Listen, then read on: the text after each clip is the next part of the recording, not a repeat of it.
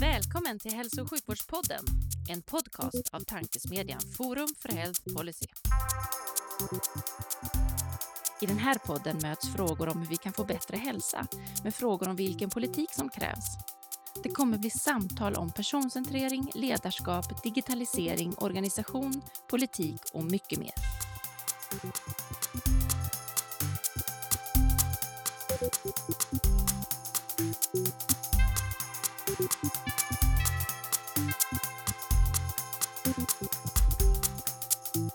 Hej och välkomna till Hälso och sjukvårdspodden, tankesmedjan Forum för Health Policys initiativ för att sprida goda idéer och tankar kring dagens och framtidens hälso och sjukvård och omsorg.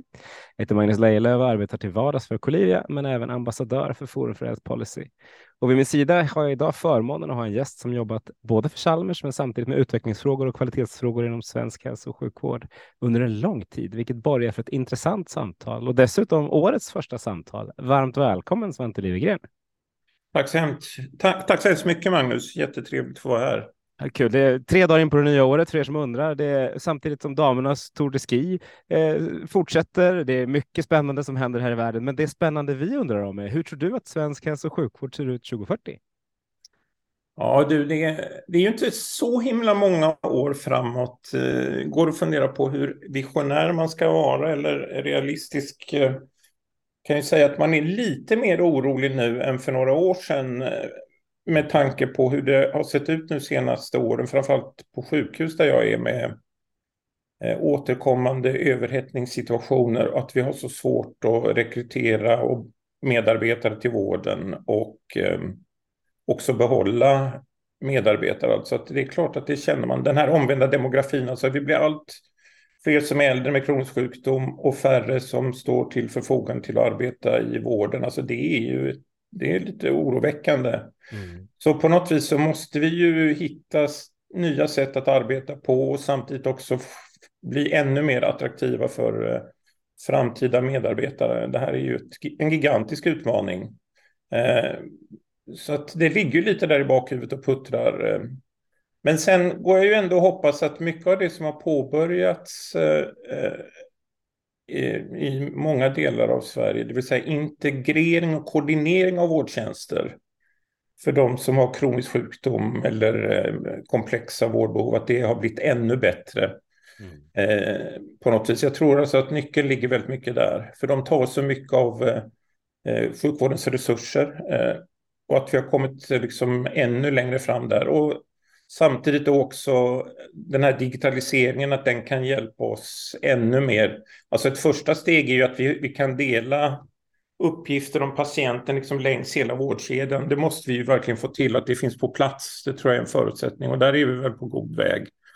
Så att eh, förhoppningen är 2040 att vi ändå har så pass många medarbetare som vi behöver vara och att vi har integrerat och koordinerat vården bättre, framför allt utifrån multisjuka, alltså patienter med kroniska sjukdomars behov. Absolut. Sen, sen, sen, bara lägga till också att den medicinsk-tekniska utvecklingen pågår ju hela tiden, gudskelov. Mm. Så att, och den hjälper ju oss naturligtvis. Så att, och där är det ju svårt att, att förutskicka vad som kommer hända, men där, där sker ju genombrott hela tiden som hjälper oss också, såklart. Ja, precis. Och samtidigt behöver det finnas ett sjukvårdssystem som är beredd att liksom ta upp den och som är någorlunda anpassat. Och då är dina tankar med både integrering och digitalisering väldigt viktiga.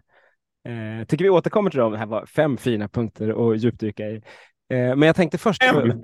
Ja, jag, fick, jag fick det till fem. Jag,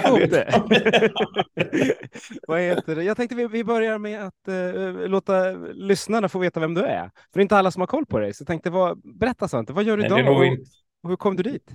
Eh, det är verkligen inte många som har koll på mig. Och, eh, men jag har jobbat inom vården. Jag började redan 1980 som eh, faktiskt sjukvårdsbiträde ett år på Sankt Göran, medicin och ortopedkliniken och tyckte faktiskt att jag trivs väldigt bra. Jag ville testa lite och sen tänkte jag att Nej, men det här är kul liksom och så sökte in på läkarlinjen och så blev jag legitimerad 90 och sen jobbade jag som sjukhusläkare eh, många år, internmedicin och lungmedicin, men framförallt med patienter med hjärt och lungsjukdomar och patienter med, med ganska svår kronisk eh, ohälsa. Eh, och eh, samtidigt alltid jobbat med utvecklingsfrågor då. Mm, eh, liksom ända, redan från början har jag alltid tyckt det varit väldigt roligt att både göra jobbet men också att tillsammans med medarbetare liksom se hur kan vi göra det bättre. Mm. Och på den vägen har det varit.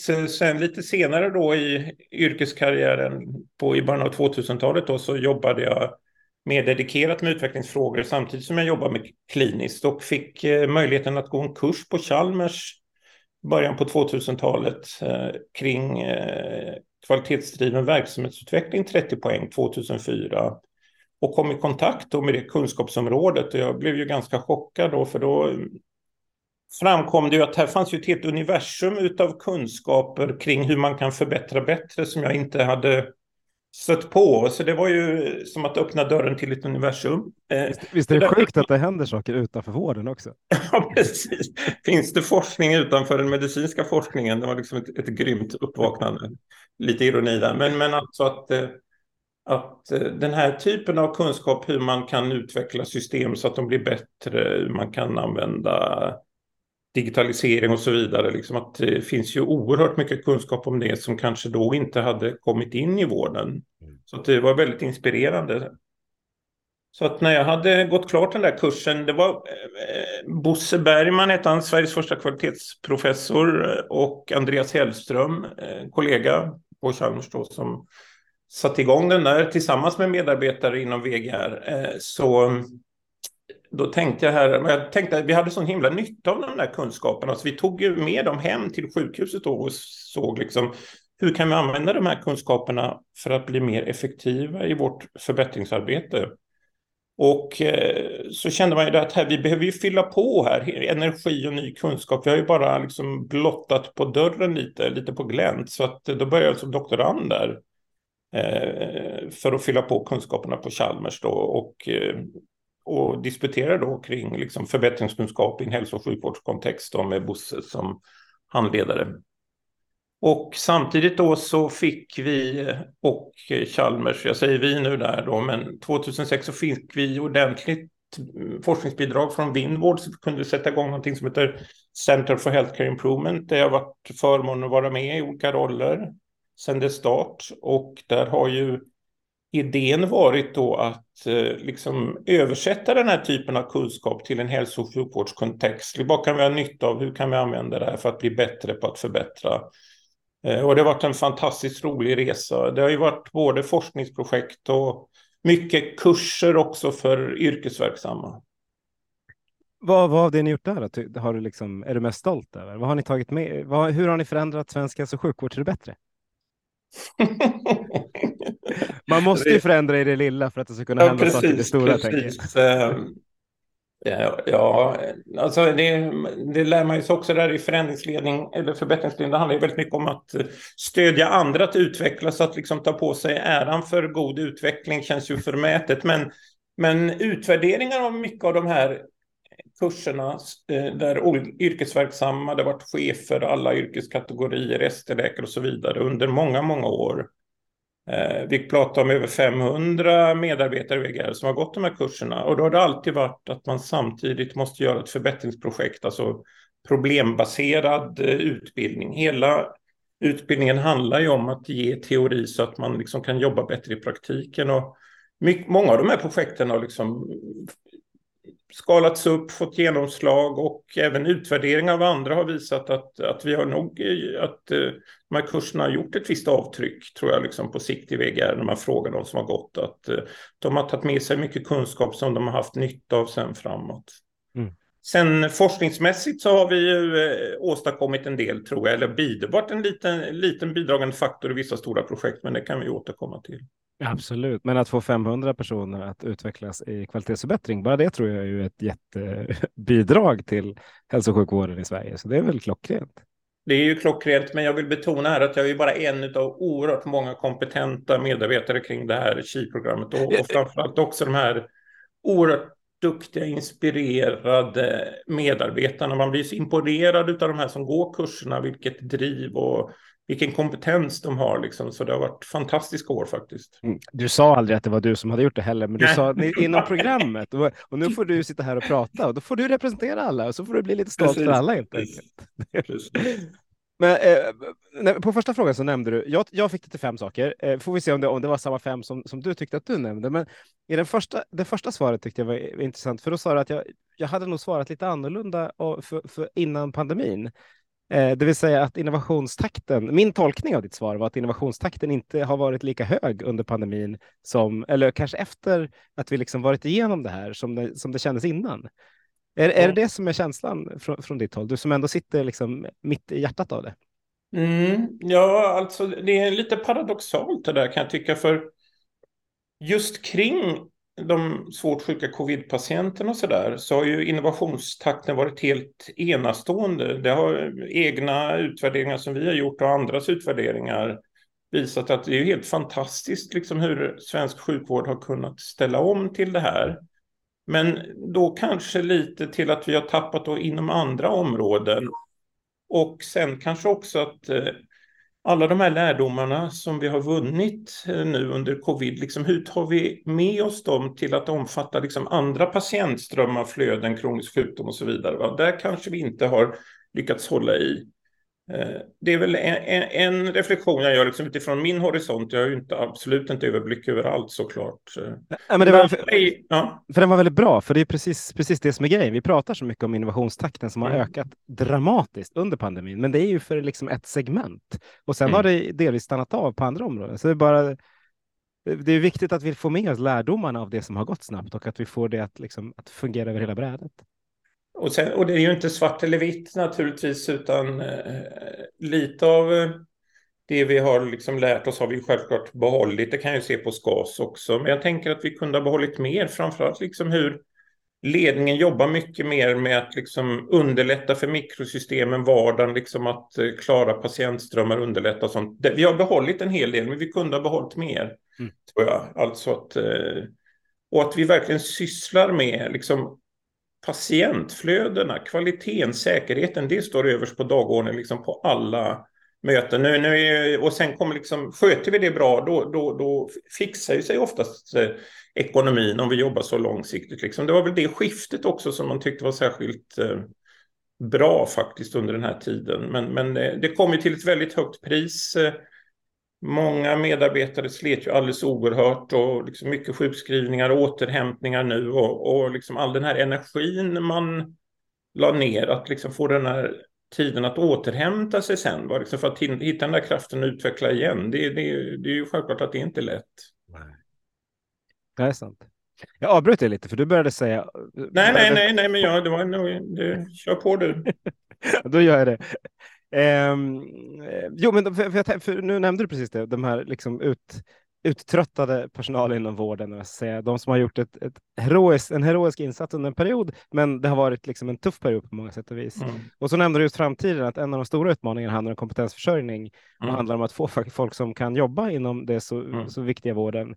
Jag lyssnade på techföretagen som sa häromdagen, det behövs 70 000 nya personer inom, inom tech-segmentet eh, för att det ska funka. Vi behöver 170 000 inom mm. hälso och sjukvården. Hur ska vi lösa det här? Har du några, några goda tankar? Det är ju en helt omöjlig nöt, så det är ja. inte så, men man kan ju ta ett litet bidrag. Ja, precis. Nej, alltså. Eh, nej, jag önskar att jag, det är ju det som gör att, att eh, man är lite nedtonad. Alltså att jag har inga bra lösningar här så eh, annat än att jag tror liksom att utveckling måste vara en fundamental del av eh, vården, för det, det attraherar. Alltså arbetsplatser där det inte finns utveckling på sikt, alltså de mår ju inte bra. Så att vi måste få in utveckling liksom, i ett långsiktigt perspektiv, alltså kvalitetsutveckling eller vilken utveckling du vill så att säga. Men det är självklart att det finns någon slags liksom, break-even här. Är det för få så får vi aldrig tid till den här utvecklingen heller. Ja, jag tänker nu när du drar de här 170 000 här och 70 000 där och jag hörde någon som sa att 250 000 framtida medarbetare finns tillgängliga totalt. Ja, exakt, det börjar bli bökigt. Då funderar man ju liksom, hur ska det här gå nu? Men, mm. men vi har väl suttit eh, för 10-15 år sedan och funderat över hur ska det här gå? Men sen vet vi komplexa system att på något vis så tar vi oss fram ändå. Och jag tröstar mig ändå med att liksom Sverige ligger ju ändå i framkant i så många områden och väldigt mycket av de här nya sätten att organisera, öka digitalisering och sånt har kommit så långt att vi nog förhoppningsvis har effektiviserat arbetssätt och att vi kan attrahera många fler också. Jag tror att digitaliseringen gör att vi kanske kan fram vi kan attrahera många yngre medarbetare också förhoppningsvis framåt. Men visst, mm. det här, alla funderar över det här och ingen sitter inne på svaret, så är det ju. Men och tittar man, det, det jag tänkte vi ska göra lite idag, titta lite på omvärlden också. Det, jag gillar mm. det här mm. Chalmers-perspektivet. Och en sak som jag ser i omvärlden är att man har liksom anammat digitaliseringen snabbare än inom hälso och sjukvård, även om det kommer mycket digitalisering. Jag tror att, som du säger, det kan ju mycket väl vara en lösning. Men en mm. annan sak som man har gjort mycket liksom, i världen utanför sjukhusen är att bli mycket mer flexibla i arbetstider. Man pratar om gigekonomier och liksom hur du jobbar mm. tillsammans på andra sätt och du jobbar när du kan och du, du liksom skräddarsyr ditt schema på ett annat sätt. Där är ju vården relativt eh, oflexibel, ska man kunna säga. Mm. Eh, tror, du att, mm. tror du att den pusselbiten är någonting som, som, liksom, som vi skulle kunna ändra? Du som Absolut. Liksom... Eh, absolut. Alltså, där, där är du som poddar regelbundet, du kan ju mycket mer. Det här är områden som jag inte kan egentligen, men jag tänker också, alltså som du är inne på, alltså mycket bättre arbetsvillkor också naturligtvis. Vi ska inte göra fackförbunden förbannade här. Nej, utan, nej, nej. Alltså på något vis att, att, eh, att man får rimliga arbetsvillkor, men också eh, nya sätt att arbeta på.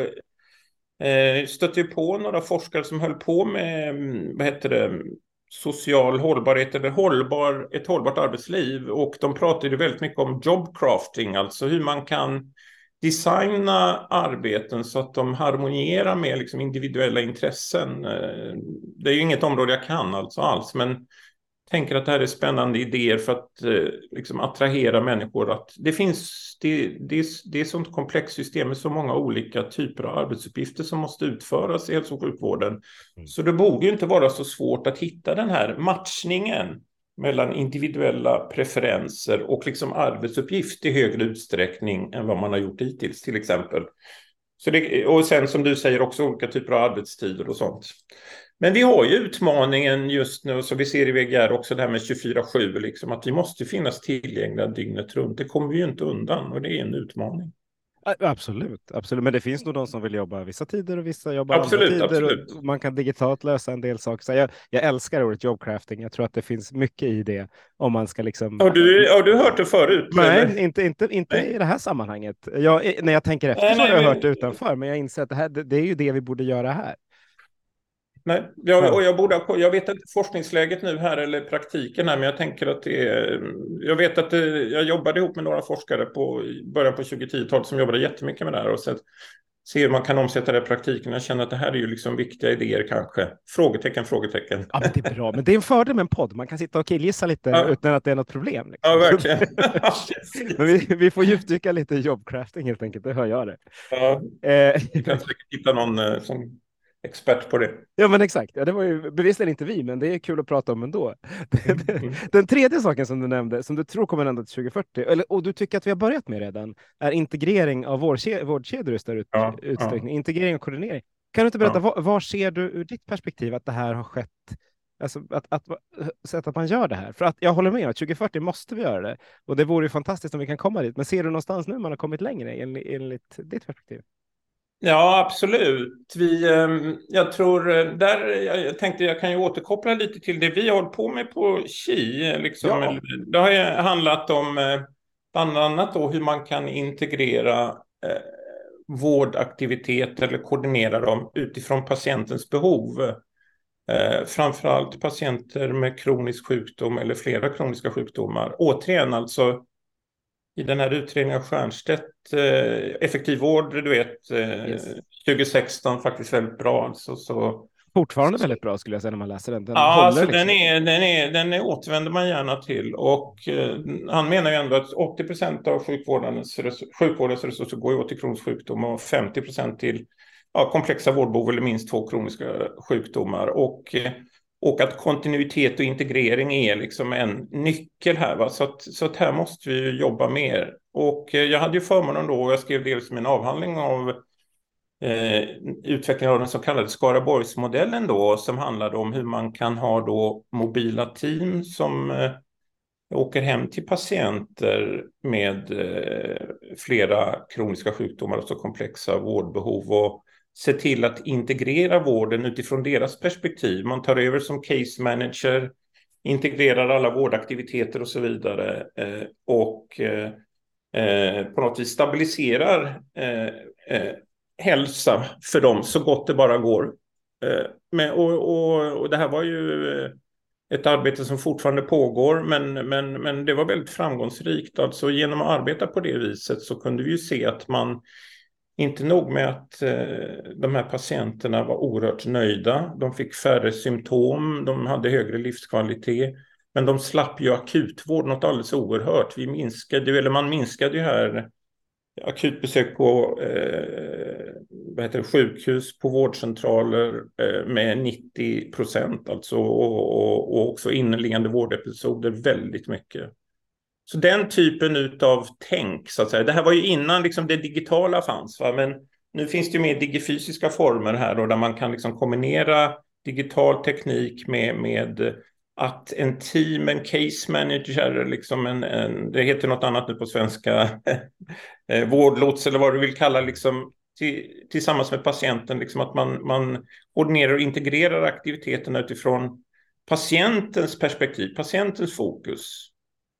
Eh, och, det, det, och, det blir ju, och det finns ju väldigt många goda exempel på det här, där jag vet att Stiernstedt lyfter fram Skaraborgsmodellen, i den där utredningen, men också eh, 1000 tror jag, Norrtälje och något annat. Sen vet jag, nu så att jag inte säger fel, nu vet jag att Borgholm är det va, som eh, eh har sådana idéer kring primärvården som verkar framgångsrika med, eh, man pratar om virtuella sjukhus, men ändå att man har koll på alla patienter som har kronisk sjukdom eller eh, komplexa vårdbehov. Och det handlar om liksom att ha koll på dem, mota Olle grind, ha individuella vårdplaner, integrera och koordinera vårdaktiviteterna så att man kan bibehålla hälsa i hemmet så länge, så länge det bara går. Och också att patienterna, när de så orkar, kan liksom vara vård eh, där i, i den mån de liksom kan och förmår. Mm. Så det är den typen av idéer jag tror eh, liksom vi behöver ta vidare så faktiskt. Ja, absolut. Tror, du tror det och det är nog en hel del andra som tror det också. Det, det jag kan tycka är att det, det går förvånansvärt långsamt. För ja, jag ser, med. Man ser det ena, sen, du sparar 90 procent av liksom mm. akutbesöken. Det är rätt bra mm. för patienten, det är rätt bra för systemet. Eh, du ser att vi har fått en digitaliseringsresa inom vården som har ökat dramatiskt. Det borde liksom ha exploderat på det området, men det är fortfarande samma exempel man nämner. Vi nämner 10 vi nämner Borgholm, vi nämner Skaraborg. Eh, liksom, det, det, finns några till där ute, men det är, inte, det, det är fortfarande öar. Och när man tittar mm. på Borgholm säger man jo, absolut, det är grymt bra, fast det mm. blir rätt dyrt. Och liksom budgeten mm. mm. övertrasseras ju hela tiden, mm. fast det är en mm. annan budget man borde kanske... Hur ska vi... Hur ska ja, vi man tänker där, ja, jag tänker ersättningsmodeller är intressant. Och som jag tänker en kommentar varför är det så svårt?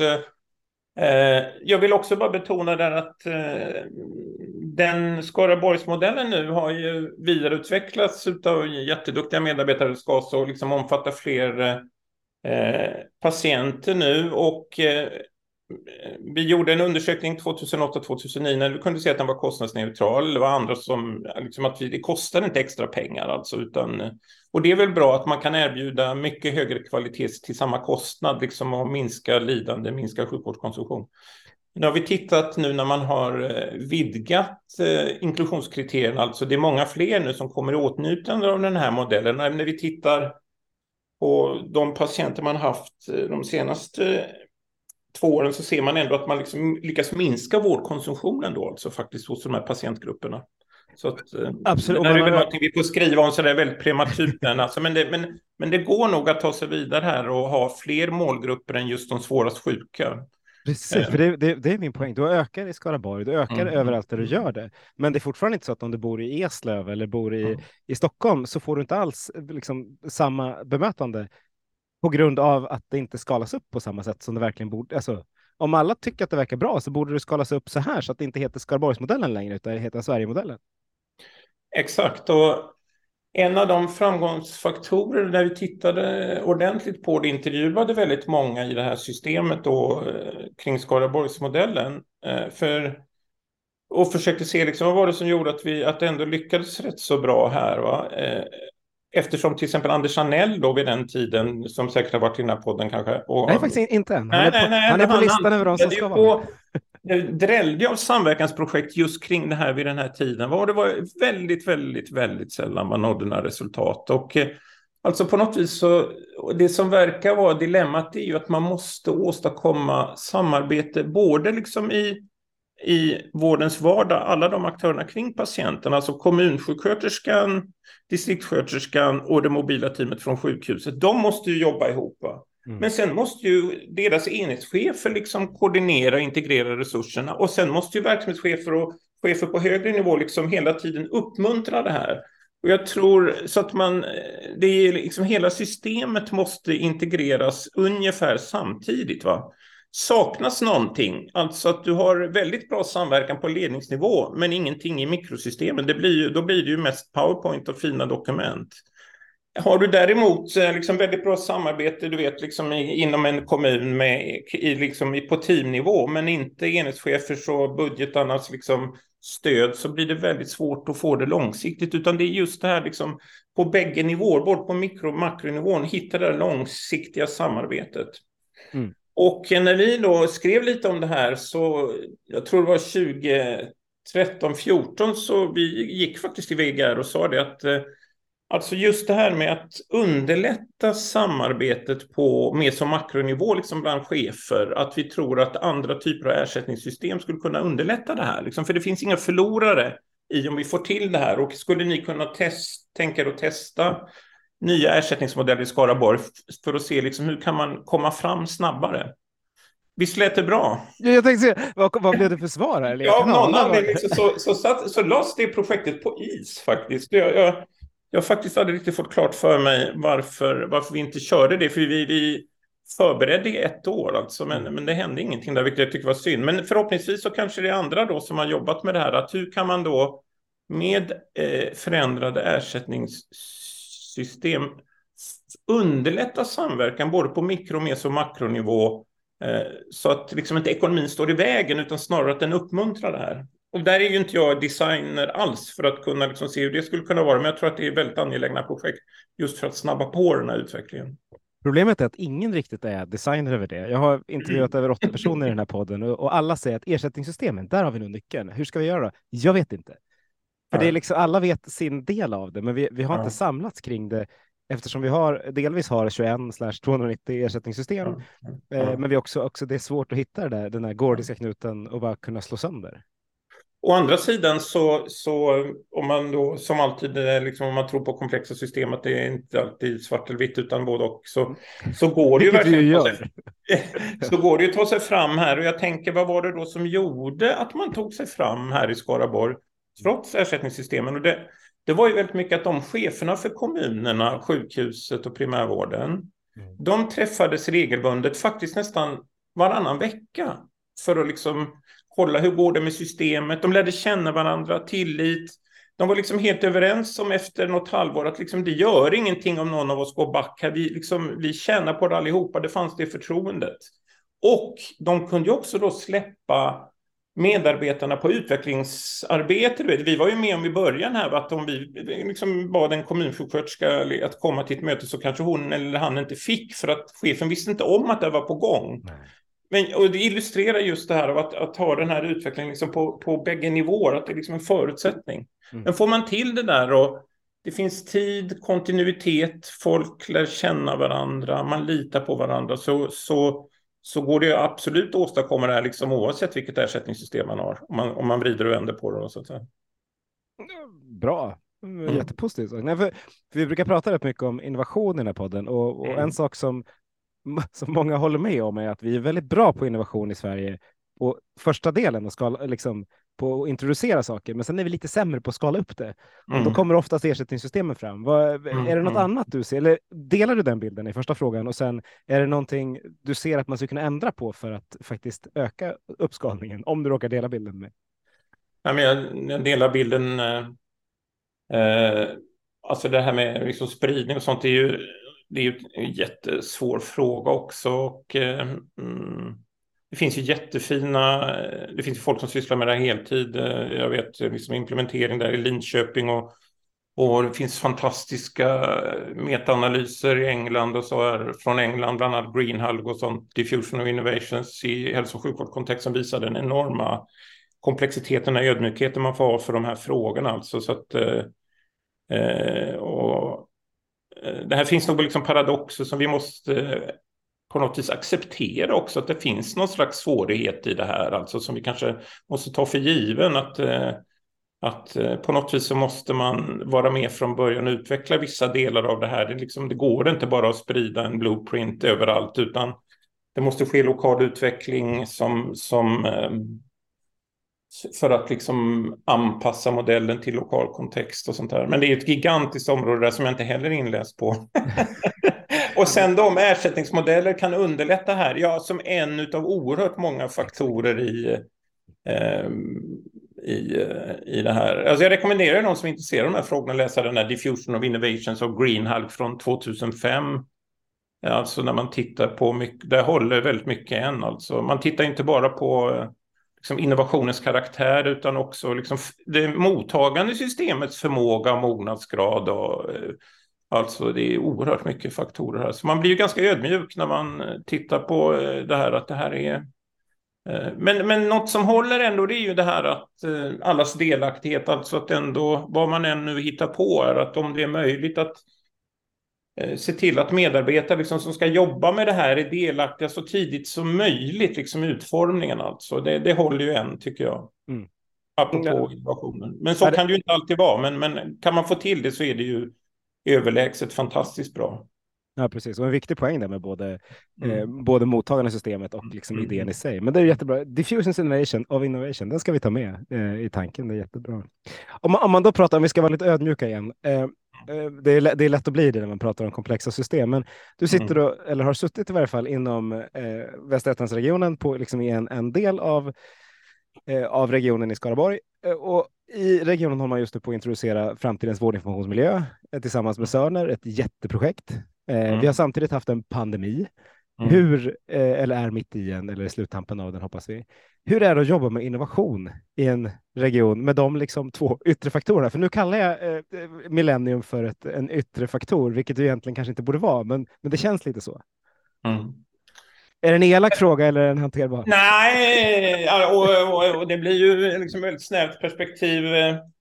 Eh, man måste väl ändå säga det att den här liksom typen av projekt som Millennium är där att på något vis ändå få ihop eh, liksom dokumentationen att vi ser alltså längs patienten och vad det kan, alltså det måste ju göras på något vis. Va? Så att det, det, det, får man ju köpa, det är ju jätteviktigt såklart. Men att eh, personligen tycker jag väl att det har varit rätt så svårt att jobba med innovation, i varje fall för några år sedan då, för att eh, väldigt mycket resurser går ju åt till att eh, eh få till de här idéerna, så det har varit ganska stängt.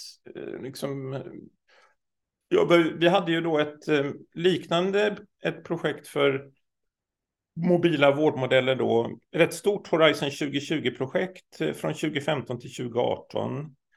Eh, multicenterprojekt, fyra, fem länder från Europa, där vi skulle då titta på samma typ av mobila vårdmodeller för patienter med mild demens, med eh, inslag då utav både mm, från Skaraborgsmodellen då med besök hemma för att etablera relation med patient och närstående, men sen då att liksom kunna då digitalisera kontakter, men också uppmuntra fysisk och kognitiv träning via då iPads och sånt där. Och det var ju ofattbart svårt att få stöd alltså från eh, regionalt eh, när det gäller liksom digitaliseringsbitarna. Ändå var ju detta liksom ett eh, prioriterat projekt liksom med mycket forskningsmuskler och sånt. Så att, Eh, jämfört då med när vi, vi fick ju vända oss till Chalmers då, liksom, och där gick ju, de, man märker då att de är mycket liksom, mer vana vid att eh, stötta det, så att vi lyckades genomföra det där och vi håller ju på att analysera data och uppföljningsprojekt. Och det ser väldigt lovande ut alltså att eh, man ökar livskvaliteten, förmodligen kostnadsneutralt, eh, eventuellt att man kan förlångsamma lite den här eh, progressen, men vi får återkomma till det när vi följer upp treårsdata och så, så att eh, så att jag tror att eh, den här typen av, det finns väl massa sådana här liksom mer lokala initiativ då som, som kanske får stå tillbaka då när det blir en sån här stor satsning på ett stort system. Mm. Eh, I varje fall är det min personliga upplevelse, men andra kan ju ha andra upplevelser. Nej, men jag tror att det är därför jag ställer frågan också, för att det, man ser ju att liksom, vissa saker får stå tillbaka och vi förstår att vi måste liksom ändra mm. IT, infrastrukturen i grunden. Men det är en svår, liksom, det är en svår balansgång. Och då känner man ju också där att liksom, om man nu hittar någonting här, hur kan man då liksom docka an det här till det som pågår och sånt? Men å andra sidan har jag liksom förståelse för att vi måste göra de här resorna nu till att få ihop kommuner, primärvård och, eller närhälsa och sjukhus också. Så det, vi måste göra det så att jag har liksom förståelse för det också. Det finns ju hela tiden liksom forskningsmedel eh, att liksom söka för bra projekt. Men det är klart att idealt så vore det ju fantastiskt om olika så nära modulära liksom, projekt, om man nu hittar någonting bra, att de kan integreras i liksom, vårt framtida IT-system liksom, ongoing. Det är ju det man vill gärna. Mm. Ja, absolut, ja, särskilt om ni kan göra saker att det blir bättre på demensområdet. Mm. För det, på tal om medicinska framsteg, här behöver vi ha lite medicinska framsteg för att vi ska komma, komma långt.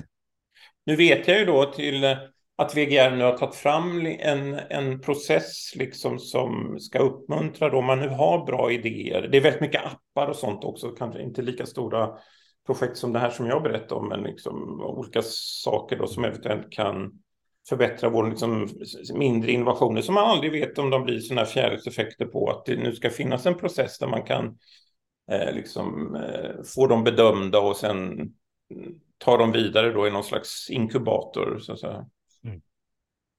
Mm. Ja, vad spännande på många sätt. Mm.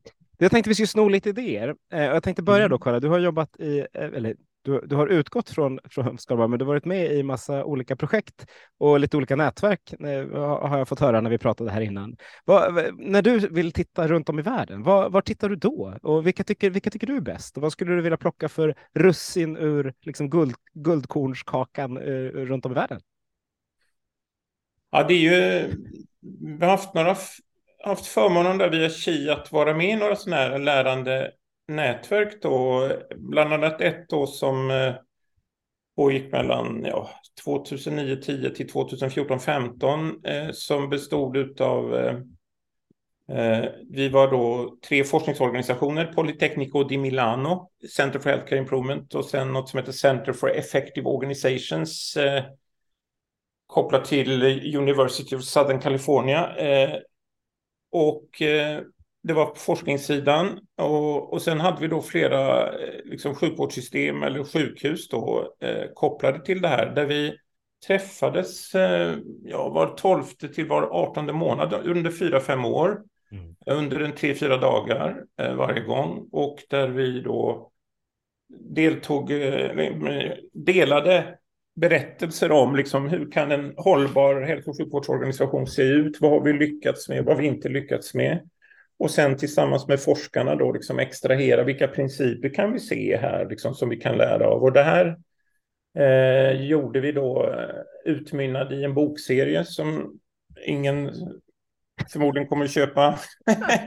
Men den heter Organizing for Sustainable Effectiveness, eh, fem böcker. Och det var väl egentligen resan som eh, att man fick många aha-upplevelser här, va? där vi liksom på något vis eh, presenterade olika idéer kring hur man kan eh, utveckla hållbara hälso och sjukvårdssystem.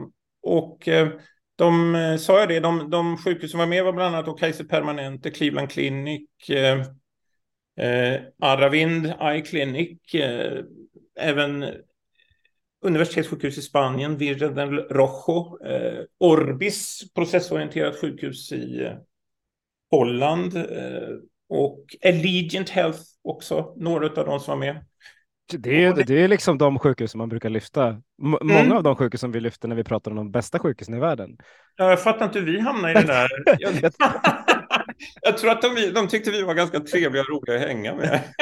det kommer man långt med. Det är viktigt. viktigt ja, men och sen var det där med integrerad vård. Så där, tror jag att vi hade kommit ganska långt som de tyckte var spännande. Men, men vi kände oss, men de var väldigt trevliga mot oss. Det var väldigt trevligt. Oerhört lärorikt.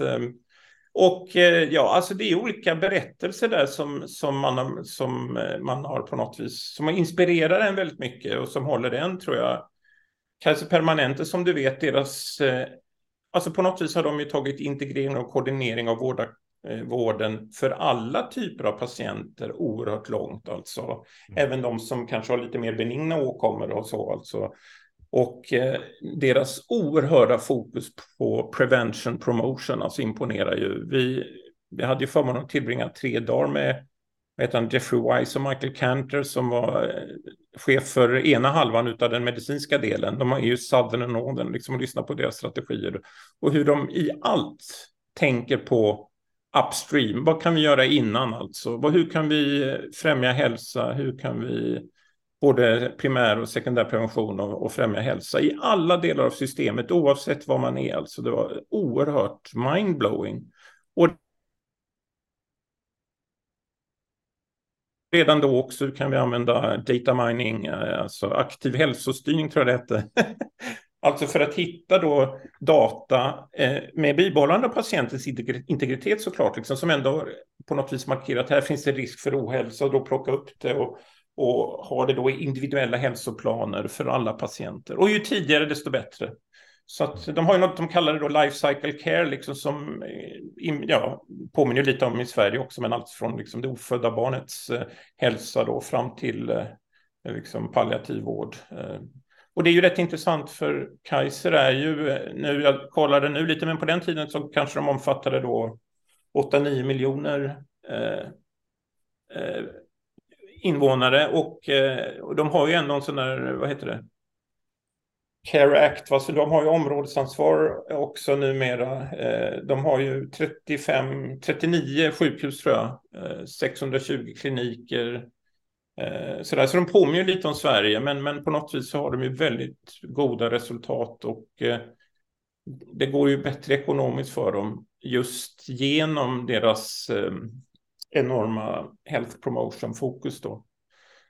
Sen är de ju väldigt duktiga på också det här med omvårdnad faktiskt. Som de kommer väldigt långt med den här magnetmodellen och så vet jag också att de har jobbat väldigt mycket med. Och, och så det, det är för... någonting sådär som har inspirerat en väldigt mycket, alltså de, de tankarna som de har, hur långt de har kommit med upstream hälsa överallt, liksom, även, även på sjukhus, liksom, hur kan vi stärka patientens egen kraft att läka, hur kan vi förhindra inläggning, eh, liksom, ja, upstream överallt. Ja, Kaiser kommer ju ofta upp som ett, liksom, ett bra exempel på hur man kan göra och jag, och jag tycker delvis att vi inte lär oss tillräckligt mycket nej, av dem. Eh, och delar, för, för, tar man primärpreventionsdelen så är det en sak. Liksom. De mm. fokuserar mycket på barnfetma, de mm. mm. Eh, fixar hus för hemlösa, så där de inser, det, det här är det som kommer bli dyrast för oss i längden, det vill säga vi kan mm. bli liksom, ekonomiskt mest. Men de är också duktiga på sekundärprevention, mm. där även där är, är, vi inte, liksom, tar vi inte till oss tillräckligt mycket av det. Hur ska vi bli bättre på prevention, Svante? Vad tror du? ja, alltså jag, ja, ja, det jag tänker att eh, vi, har ju, vi, vi, har, vi körde ju en jäkla omgång där, alltså med när de var där och hade en nationell konferens som vi bjöd in till. Det var väldigt många, 500-600 som kom. Vi och hade en artikel i Läkartidningen och sådär och försökte liksom verkligen eh, propsa, eller förlåt, eh, på något vis outa det här och liksom försöker skapa nätverk kring det. Men jag tycker att vi, det, har liksom fallit tillbaka lite jag, på något vis. Mm. Jag hamnar, jag vet inte varför faktiskt. Eh, behöver nya, man behöver ju den här inputen utifrån så vi blir inspirerade, får ny energi, att det här faktiskt är möjligt tror jag. Liksom, eh, igen. I Stockholm har man hittat en, en, form av lösning, det vill säga man har gjort en hälsoobligation inom diabetesområdet mm. där du får betalt mm. för resultaten i efterhand. Det, den mm. gick inte att lösa utan externt kapital. Det vill säga, mm. du, hade, du har ju alla pengar inom systemet, det finns ju mycket pengar som helst, men man var tvungen mm. att liksom skapa en, en obligation via Skandia för att kunna göra det här. Eh, ska det, ska det vara så svårt att, omfördela lite pengar? Nej, men och det var ju rätt intressant där. Han Jeff Wise då, jättetrevlig, alltså han var ju på Svante, liksom, ni, vad är det ni håller på med? Liksom, det, är ju, det är ju skattepengar, varför får ni inte ihop det? Ni har det ju lättare än vad vi har. Liksom,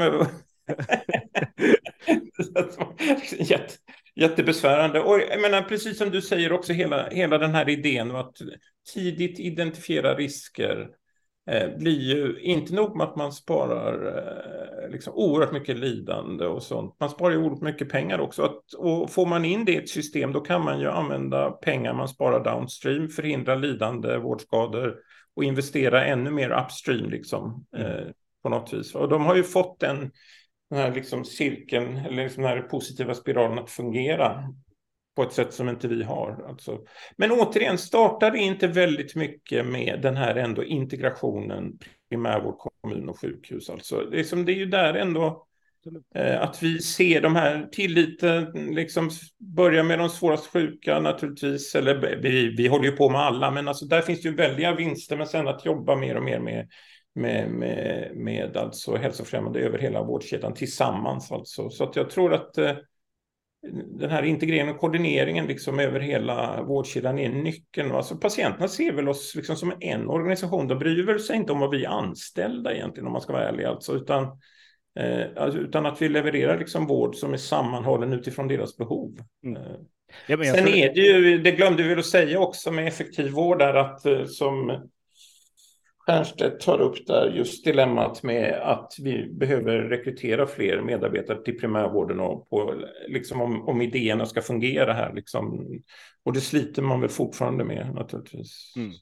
Ja, men visst är det så. Men och det, det, det enda jag ser är att vi blir man väl sjuk i Sverige, och framförallt om man kommer på sjukhus, så får man oftast väldigt bra vård. Vi har en fantastisk vård. Däremot mm. så är vi liksom innan man kommer till sjukhus så finns inte riktigt kopplingen till sjukhus. Jag skulle vilja att Friskis Svettis, ICA och apoteket var en liksom mer integrerad del i mm. hälso och sjukvården framåt. Att vi använder den data som, som genereras hos patienten, hos oss liksom aktiva patienter, men även att vi får, vi liksom får, ett, ett, en, får, får med alla patienter, alla, eller alla blivande patienter mm. till att faktiskt generera data och bli, bli mycket mer aktiva. Det där är min liksom så här, här skulle vi kunna sticka ut som, som nation. Ja, jag tycker det är jättefina idéer du har. Och, eh, Cleveland Clinic, men eh, vad heter det, kanske permanent, men också Cleveland Clinic hade just det, alltså hur många fler aktörer de interagerar med också, alltså som du säger, va? alltså när nytänket, eh, liksom ut i samhället, på torg, överallt, eh, upstream, påverka framtida kunder eller vad man nu vill kalla det, va? Mm. alltså att eh, eh,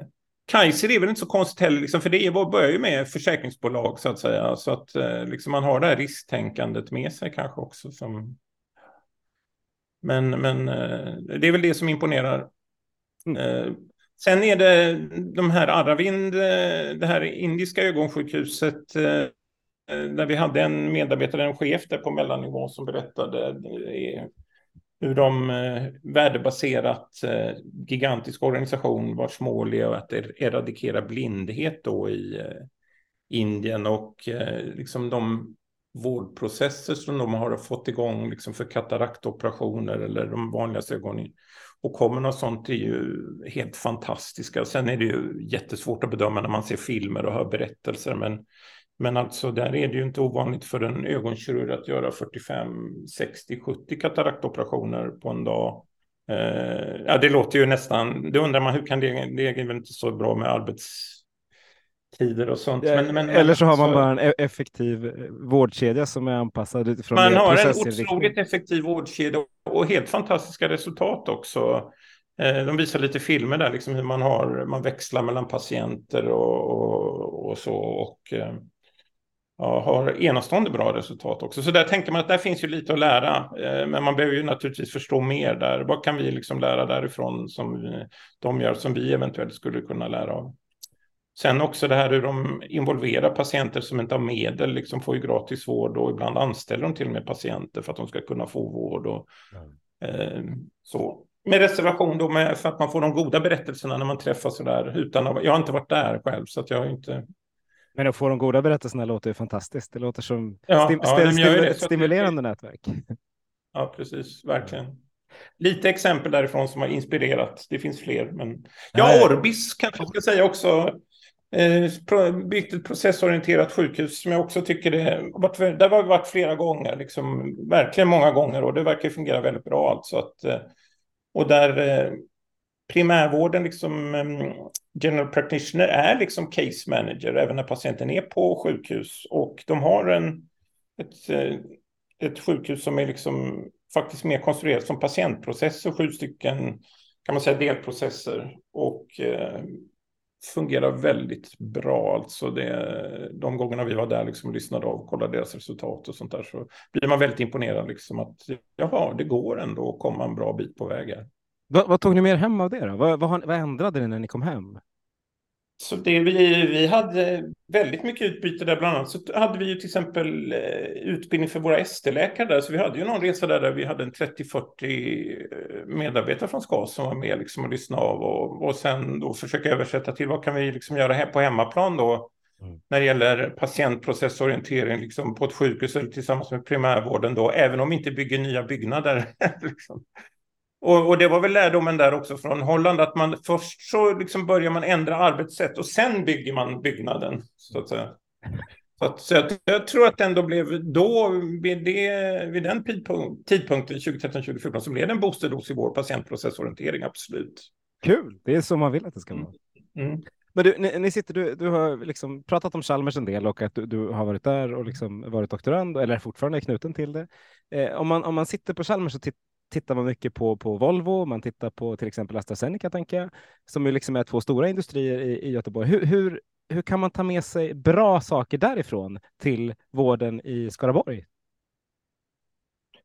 Eh, väldigt mycket tror jag också, även där. Eh, där har vi ju, eh, jag är ju fortfarande anknuten där faktiskt till Kina som har flera lektorer, men vi har ju haft eh, suttit i nätverk där med ehm, kvalitetschefer och sånt från Volvo och andra stora företag och försökt att lyssna, lyssna av varandra. Sådana här lärande nätverk, vad kan vi lära av varandra? Och, och eh, dels deras, eh, sen är det ju mycket enklare på något vis för de har ju inte lika stor variation i eh, kanske då som vi har i vår, men i människan så att säga. De där rackars patienterna som ska vara så olika. Men man kan ändå lära och, ja. och det är ju deras, naturligtvis hur de jobbar med förbättringsarbete har det på något vis det är en del av systemet eh, att alla bjuds in, alltså alla är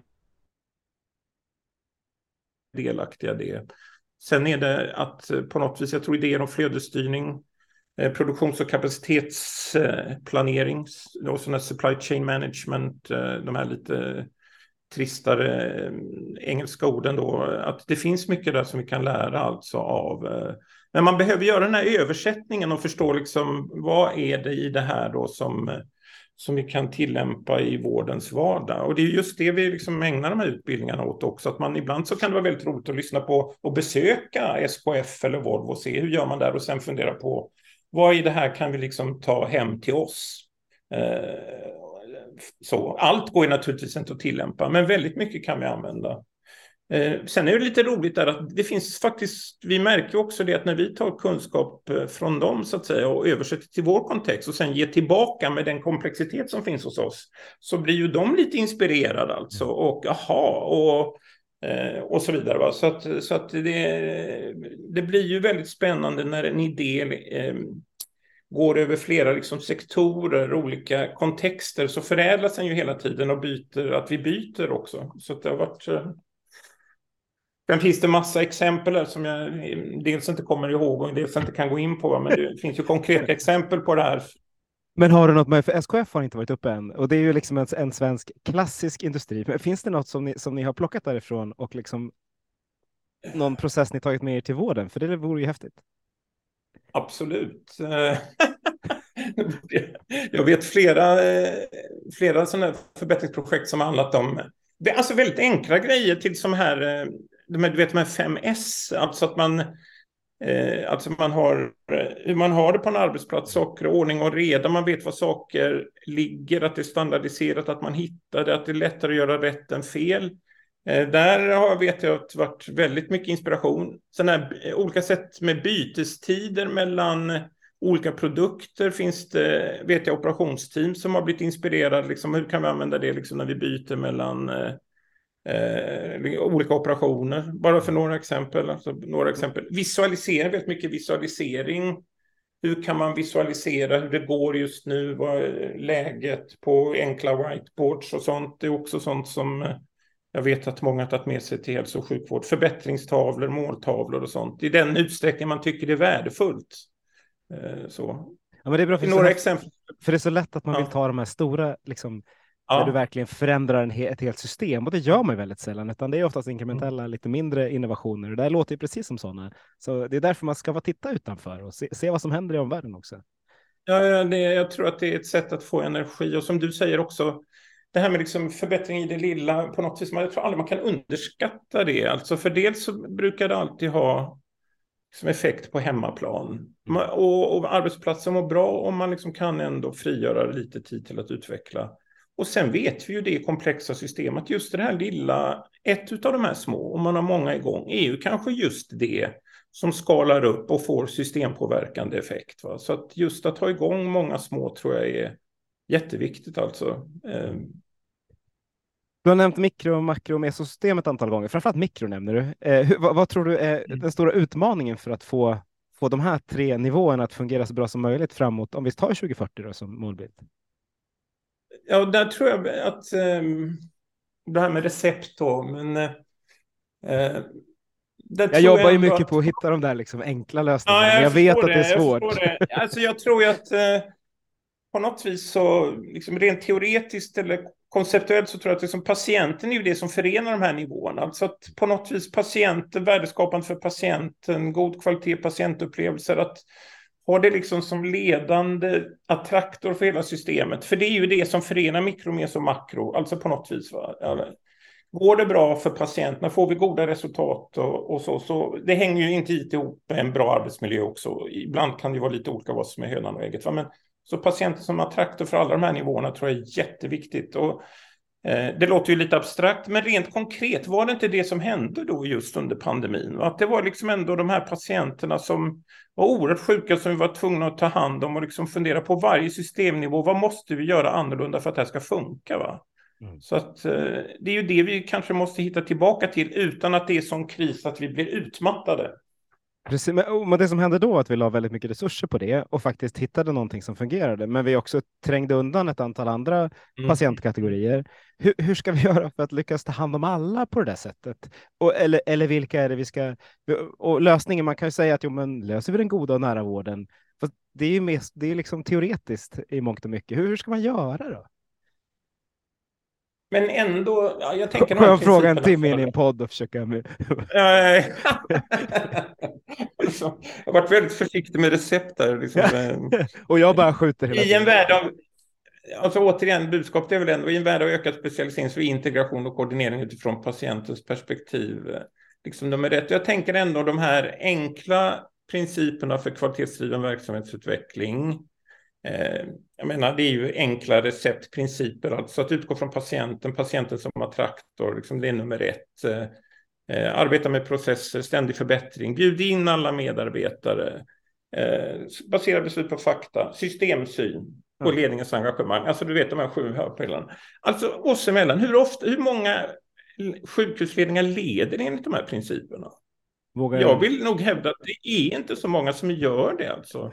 Jag hade svarat väldigt få. Det vågar man knappt säga. Nej, men alltså, vi säger att vi gör det, men vi gör det ju inte, utan det är ju helt andra frågor som det blir. Oftast börjar med ekonomifrågor, det kan komma in liksom varumärkesfrågor. Och så. Alltså, att vi har ju faktiskt inte, gör, leder vi det här enligt det här liksom? Har vi verkligen prövat det här fullt ut? Och när man stöter då på hälso och sjukvårdssystem som Orbis och sådana liksom, som faktiskt prövar det här, att verkligen ta det här på allvar, alltså sätta de här frågorna högst först utan att liksom strunta i ekonomin såklart, så, så får man ju kanske en effektivare utveckling. Och man får ju oftast det man mäter. Eh, liksom, vad, är det vi skulle behöva mäta? Eller vad mäter man i Orbis tycker du som, som vi skulle kunna ta med till oss för att faktiskt styra om vården dit? För alla vill vi ju ha bäst resultat. Vi, när vi jämför så vill vi ha liksom, och om, styr vi mot ekonomi, ja, men då kommer man att gå till, till, till det ekonomiska. Styr man mot antal patienter så kommer man att gå till det. Ja, precis. Och, och, och ja, det, är ju, och på något vis är ju, jag menar inte att vi, det är ju skattepengar och så, det är självklart att vi måste mäta vad, det, vad, vad liksom de tar väg, vägen och att vi blir resurseffektiva, det måste vi ju. Men, men alla de mätsystemen, de är ju så himla etablerade och, och det finns en trygghet i de här liksom funktionella, eh, kanske lite mer eh, fyrkantiga ekonomisystemen. Alltså vi, de, de finns ju på platsen länge och vi följer upp. Medan de liksom mer processorienterade skapar värde för eh, mätetalen är vi på rätt väg. Också det här som vi inte har varit inne på nu, alltså det här med eh, alltså förståelse för variation och försöka lära hela tiden av resultat, visualisera resultat över tid för att se när gick det bra, när gick det dåligt, hur kan vi ständigt förbättra? Det är inte lika starkt. Liksom. Det horisontella värdeskapandet är fortfarande mycket svagare än det liksom vertikala resursstyrningen. Alltså så är det ju. Och, det, och kanske då att eh, när man ser då system som har fått att få lite mer jämlikt i den här matrisen och leder lite mer på de här etablerade principerna som ju är, har oerhört många år på nacken. Liksom, att, att eh, eh, på något vis tappar vi bort det. Behöver det vara märkvärdigare än så? Nej, det kanske inte är så. du, eh, för en, vi har pratat ungefär en timme nu. Jag tänker för att våra, vi inte ska skapa för mycket artros hos våra, hos våra lyssnare så är väl en timme ganska bra. Vad, hur, var det något du hade tyckte du hade velat prata om som jag inte har lyft eh, under den här timmen?